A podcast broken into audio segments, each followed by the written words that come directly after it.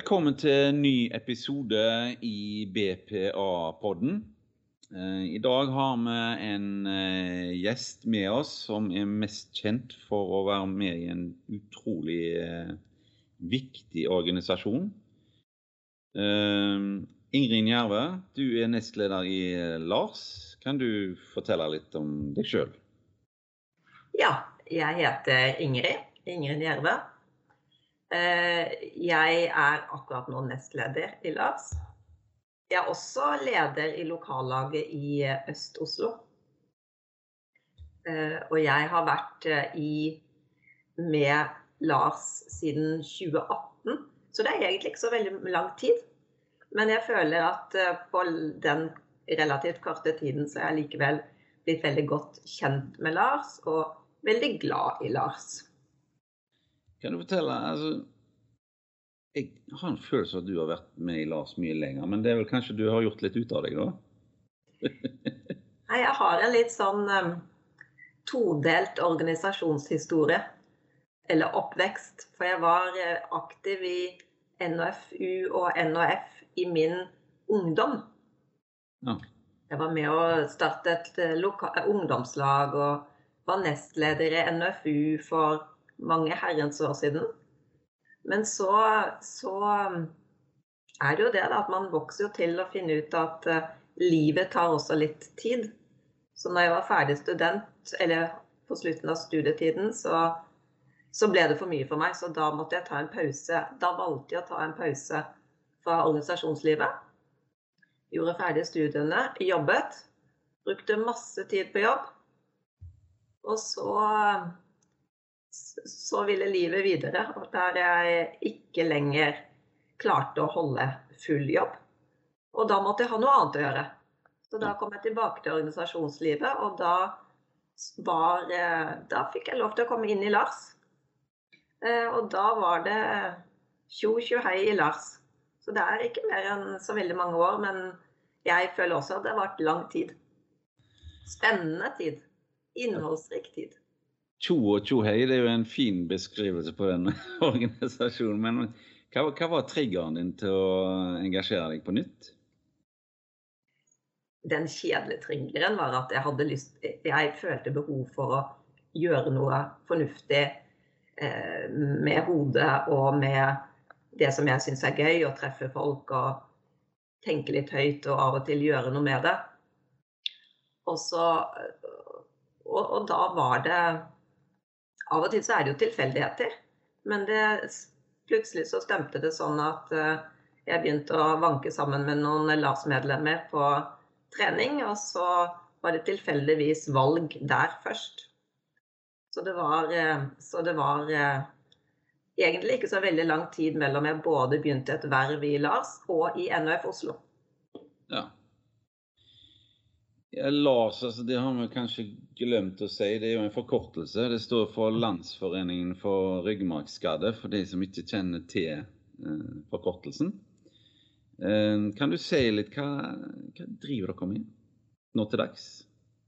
LAS driver med veldig mye. Det som er mest synlig utenfra, eller for, for, vanlige medlemmer og andre folk, det er antagelig de arrangementene vi har. Vi kaller det aktiviteter, men det er ikke nødvendigvis bare fysiske aktiviteter. Det er både sosiale aktiviteter og faglige aktiviteter. Men vi har, vi har en del arrangementer.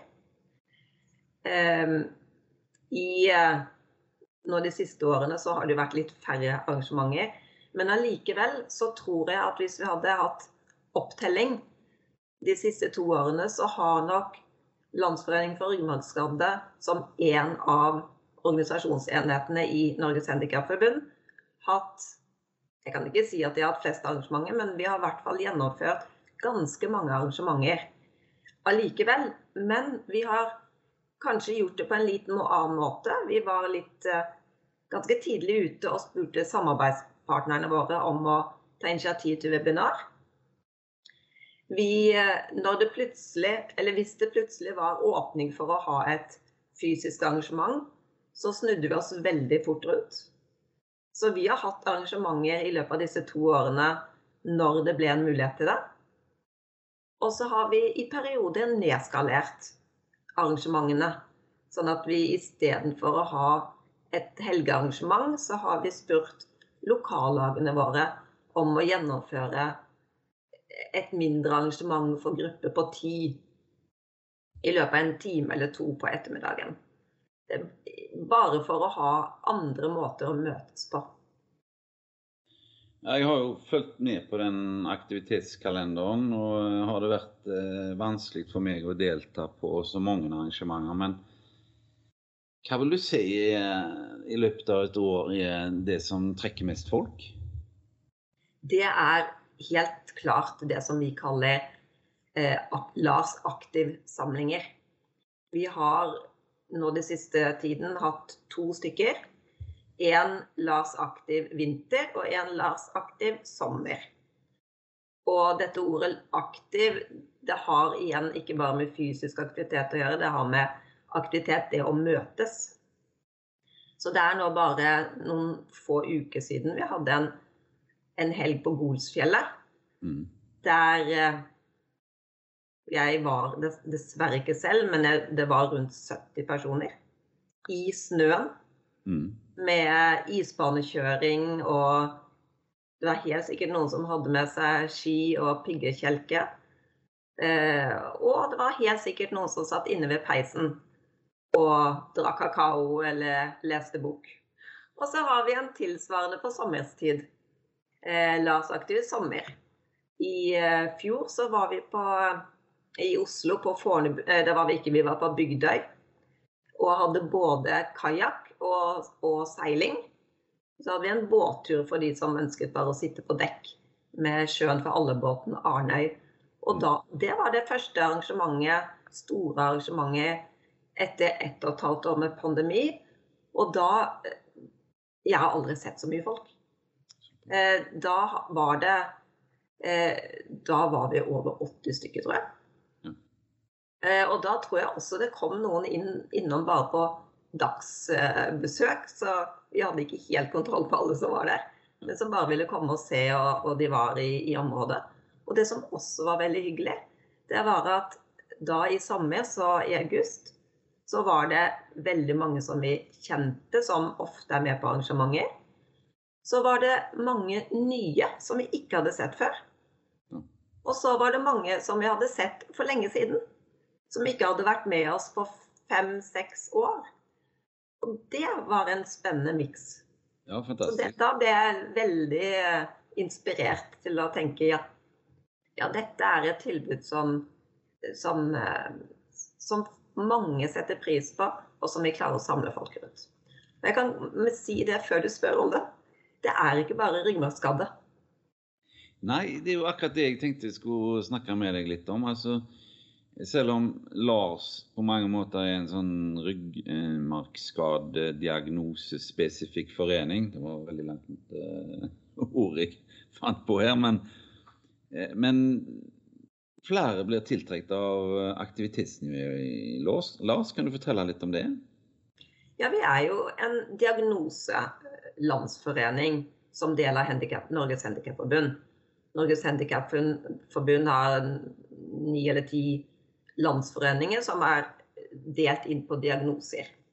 Der LARS og Ryggmargskadeforeningen er ett av de. Men vi er jo ikke vanskelige på det. Altså, for oss så er det viktigst at folk er med og trives og ønsker å være sammen med oss, og ikke diagnosen. Så vi er åpne, selvfølgelig sånn som NHF også er, vi er åpne for alle medlemmer. Og vi ser at på våre arrangementer, og også blant våre tillitsvalgte, så har vi mange diagnoser representert. Eh, vi har eh, polio, vi har MS, vi har ryggmargsbrokk, vi har CP. Vi har eh, Vi har helt sikkert mye annet. Og det er egentlig litt Når jeg ikke engang kan fortelle diagnosene, så er kanskje det litt av poenget. Vi er ikke så opptatt av diagnosen. Eh, det er egentlig det er, under, altså det er ikke underordnet engang. Det er ikke en diskusjon. Eh, hvis du vil være med og holde på med de tingene som vi holder på med, så er du velkommen. Men vi ser også at mange av de som blir tiltrukket av det vi holder på med, nevner aktivitetene våre. Det at vi eh, prøver, at det går an å prøve nye aktiviteter som ikke er kjempeskumle. Eh, padling, kajakk. For mange så er det nytt, men det er ikke like skummelt som fallskjermhopping.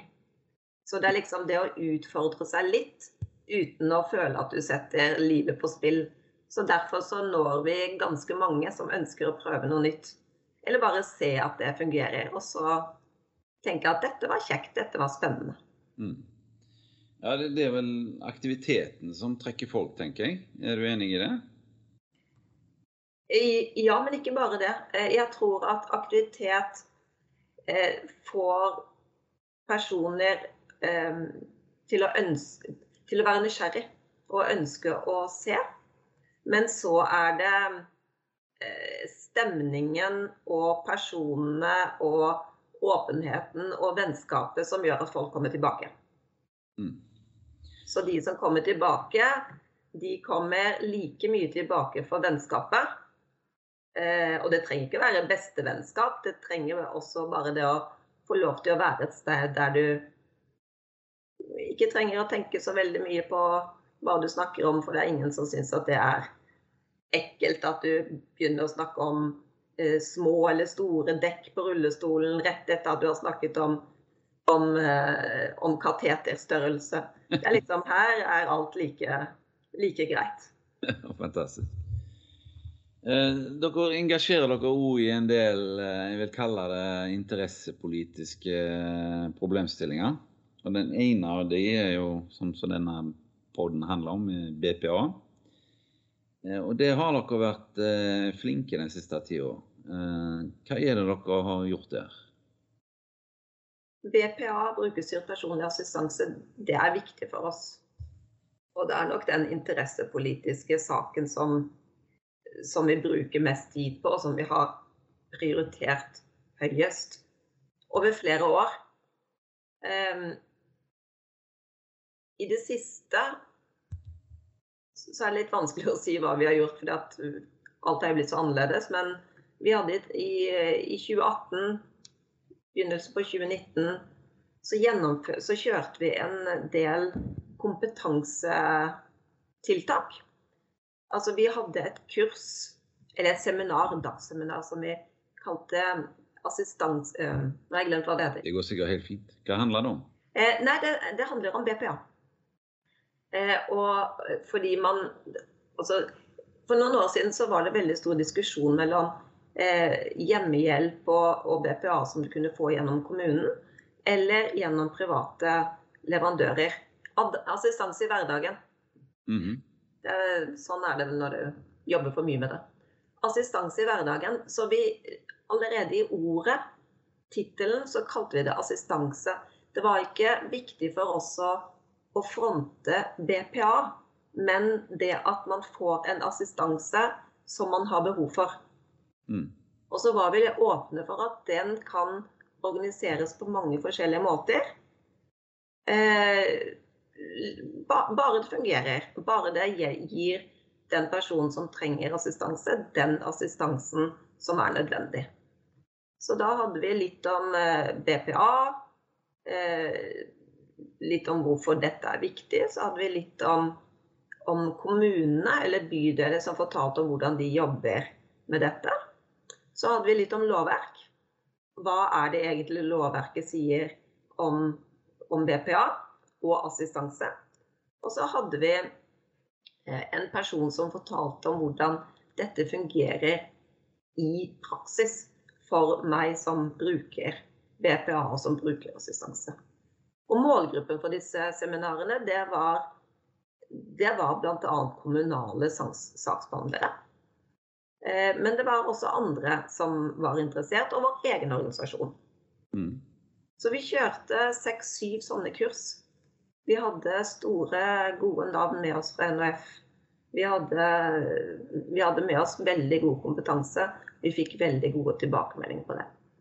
Så det gjorde vi da i halvannet år.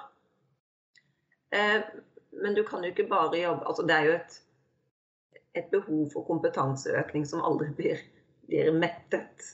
Mm. Eh, så vi ønsket, etter at vi hadde hatt den ett og et halvt år-runden, å prøve å jobbe litt mer ned i kommunene eh, lokalt. Og da ble det Da ble, tok det litt mer tid fordi vi da havnet opp i korona, så der, der står vi egentlig litt nå. Men eh, BPA er jo likevel noe som vi hele tiden har, har med oss.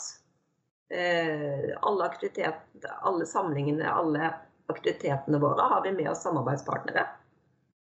Eh, der vi har flere som er BPA-leverandører, som fortell, benytter anledningen til Eller der medlemmene våre har muligheten til å, å stille spørsmål og få mer informasjon om BPA.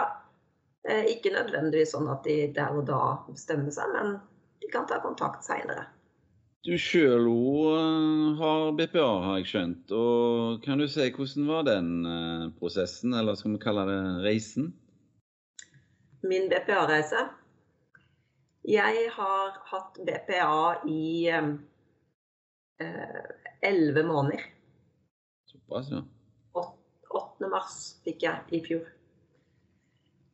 Um, og det har vært en lang reise. Det er jo nesten litt morsomt, men jeg satt jo og organiserte og gjennomførte seks-syv assistanse i hverdagen-kurs som handlet om BPA. Og jeg hadde ikke BPA selv. Eh, og jeg fortalte alle andre om hvor lurt BPA var, men jeg søkte ikke selv. Men så var jeg jo litt splitta, for jeg visste at dette er BPA er svaret. BPA vil være bra for deg, Ingrid. Samtidig som den andre på den andre skulderen sa at ja, men jeg, jeg vil ikke helt ennå. For jeg klarer det jo litt til. Så jeg hadde den eh, diskusjonen, interndiskusjonen, eller modningsprosessen, da, som jeg egentlig mener at det er ganske lenge, der jeg visste at BPA var en god løsning for meg. Men der jeg følte at ja, men jeg, nå er det helg, da kan jeg slappe av. Nå er det snart sommerferie, da kan jeg slappe av. Det går sikkert bedre neste uke. Det gjør jo ikke det. Det går jo ikke over. Eh, og det visste jeg, men allikevel så måtte jeg liksom Jeg måtte bruke litt tid på å venne meg til tanken og modnes, rett og slett. Mm. Og så benyttet jeg eh, meg litt av eh, en mulighet eller en situasjon for meg selv, for jeg var eh, Halvannet år siden så hadde jeg en periode der jeg var veldig sliten. Eh, og jeg kjente at kroppen min ikke fungerte så veldig godt, så jeg, jeg måtte gjøre noe. Og da hadde jeg noen runder eh, både på, både på sykehus, altså til undersøkelser og også rehabilitering, der jeg begynte å samle litt dokumentasjon. Mm. Eh, for da visste jeg at nå er tiden inne, Ingrid, at nå må du begynne å gjøre noen andre ting. Så da brukte jeg de anledningene til å samle litt dokumentasjon i forhold til en søknad. Og så sendte jeg da søknaden rett etter jeg hadde hatt et rehabiliteringsopphold. Fordi jeg visste med meg selv at Ingrid, du blir aldri ferdig med modningsprosessen, du må bare få ut fingeren. Ja, så da gjorde jeg det. Eh, men da hadde jeg jo også med meg en oppfordring og anbefaling fra Cato-senteret om at Ingrid har veldig god nytte av å svømme, men det er veldig tungt for Ingrid i en garderobesituasjon, så BPA hadde vært veldig smart. Jeg dikterte egentlig hva jeg ville at de skulle skrive. Eh, og, og, det samme med lungeavdelingen, som, som, også sa at eh, det vil være nyttig for Ingrid å, å svømme og eh, trene på en litt annen måte. Og det brukte jeg som dokumentasjon inn i min søknadsprosess. da. Ja, Det høres veldig fornuftig ut. altså. Det handler vel om hva tid du var rehabilitert eh, opprinnelig. Sånn jeg, jeg, er jo rehabilitert på begynnelsen av 90-tallet, og da var det jo Alt handler om at du skulle klare helst mer enn en person som kunne gå. Eh, og de på mange måter rehabiliterte sånne superfolk, da. og i etterkant så har jeg jo sett at dette med hverdagsbelastning er jo over lang tid Det er jo det som tar kroppen. Eh, de store, tunge løftene gjerne fra f.eks. fra bakke opp til rullestol, som du gjør på kald maskin og ødelegger på skuldre og styrer på. Så hva tror du er den største forskjellen for deg etter du har fått VPA? Nå må jeg jo, selv om jeg nå har hatt det nesten et år, så må jeg også innrømme at jeg er jo ikke Jeg føler jo fortsatt at jeg er i en læringsprosess. Ja. Jeg, jeg, er fortsatt litt sånn delt. Altså, jeg vet at dette er veldig bra, og jeg vet at jeg kunne ikke jeg kunne ikke gått på den svømmetreningen hver uke uten BPA. Jeg kunne ikke gjort sånn og sånn uten BPA. Samtidig så er jeg jo fortsatt der at jeg vil helst gjøre så mye som mulig selv. Eh, så jeg Hva er det jeg sier til assistenten min da? At eh, ja, jeg er jo fortsatt på opplæring. Så vi, jeg har med min faste assistent en veldig god avtale. For vi, vi er vel, begge to nye i dette. Så vi har avtalt at dette skal vi finne ut av sammen. Og eh, jeg vil kanskje ikke ha hjelp til alt ennå, men plutselig så så kan det være at vi kan gjøre ting på en annen måte. Så sånn sett så jeg, er jeg veldig glad for at jeg har funnet en, en bare gode assistenter. Eh, men eh, jeg har også gitt meg selv lov til å, å, formes inn i dette, altså bli vant til å bruke BPA. Og jeg kan fortelle en liten ting. Jeg hadde, hadde, hadde assistent her i går. Og så skulle jeg henge opp Jeg skulle ordne det var jo mandag i går, så jeg skulle ordne noe etter helgen. Blant annet hadde jeg vært på, i et selskap så jeg skulle henge opp kjolen min. Og det er et klesskap som egentlig er helt teit. Det er altfor høyt.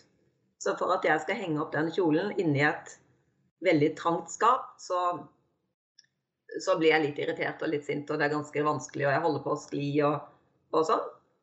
Så jeg skulle gjøre det, og så sa jeg til meg selv ja, men Ingrid, nå må du huske. Om en time kommer assistenten. Og så lot jeg kjolen ligge på sengen.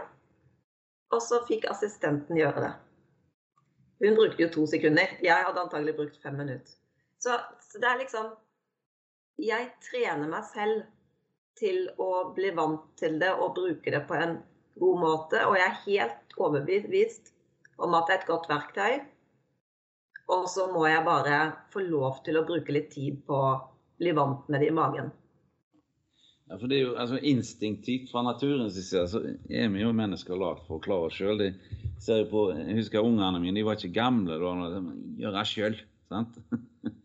Så det er jo der det ligger. Og, det, og jeg tenker folk vil jo ikke ha mer assistanse enn hva de akkurat trenger for å klare seg. Det er vel der det ligger, tenker jeg. Ja, og det er ikke så ulikt alle andre. Altså, jeg kjenner også den der klare selv-metodikken. Ehm, det har jo alltid vært, alltid vært sånn.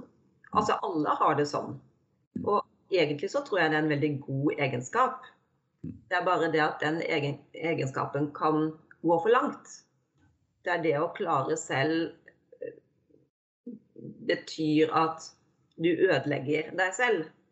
Og mm. så er det den vanskelige balansegangen der du skjønner hva som er realistisk å klare selv, hva du kan klare selv, men det er også greit å få hjelp. Og hva du absolutt ikke kan klare selv. Ja, Det er det vi gjerne skiller for eh, mellom hva du kan gjøre og hva du bør gjøre. Ja. Mm. Jeg, kan jeg kan legge meg ned på gulvet og vaske gulvet. Men det er jo ikke noe smart arbeidsdeling at jeg skal bruke en halvtime på å vaske gulvet med en klut fra knærne når noen andre kan gjøre det på ti minutter. Så på en måte så er BPA også en litt sånn avansert form for eh, arbeidsdeling. Noen andre kan gjøre det, og så kan jeg gjøre andre ting som de ikke er gode på. Mm. For eksempel. For eksempel å drive Lars? For eksempel. For eksempel å arrangere ting for andre. Ja. Eller bestille flyreiser for meg selv. Fantastisk. Men da er vår eh, samtale eh, over, Ingrid. Tusen takk for at du eh, stilte opp i, i min podkast her. Eller vår podkast er det selvfølgelig. Så tusen takk til deg. Tusen takk for meg. BPA trenger ikke være vanskelig. Vil du vite mer? Besøk oss gjerne på miobpa.no.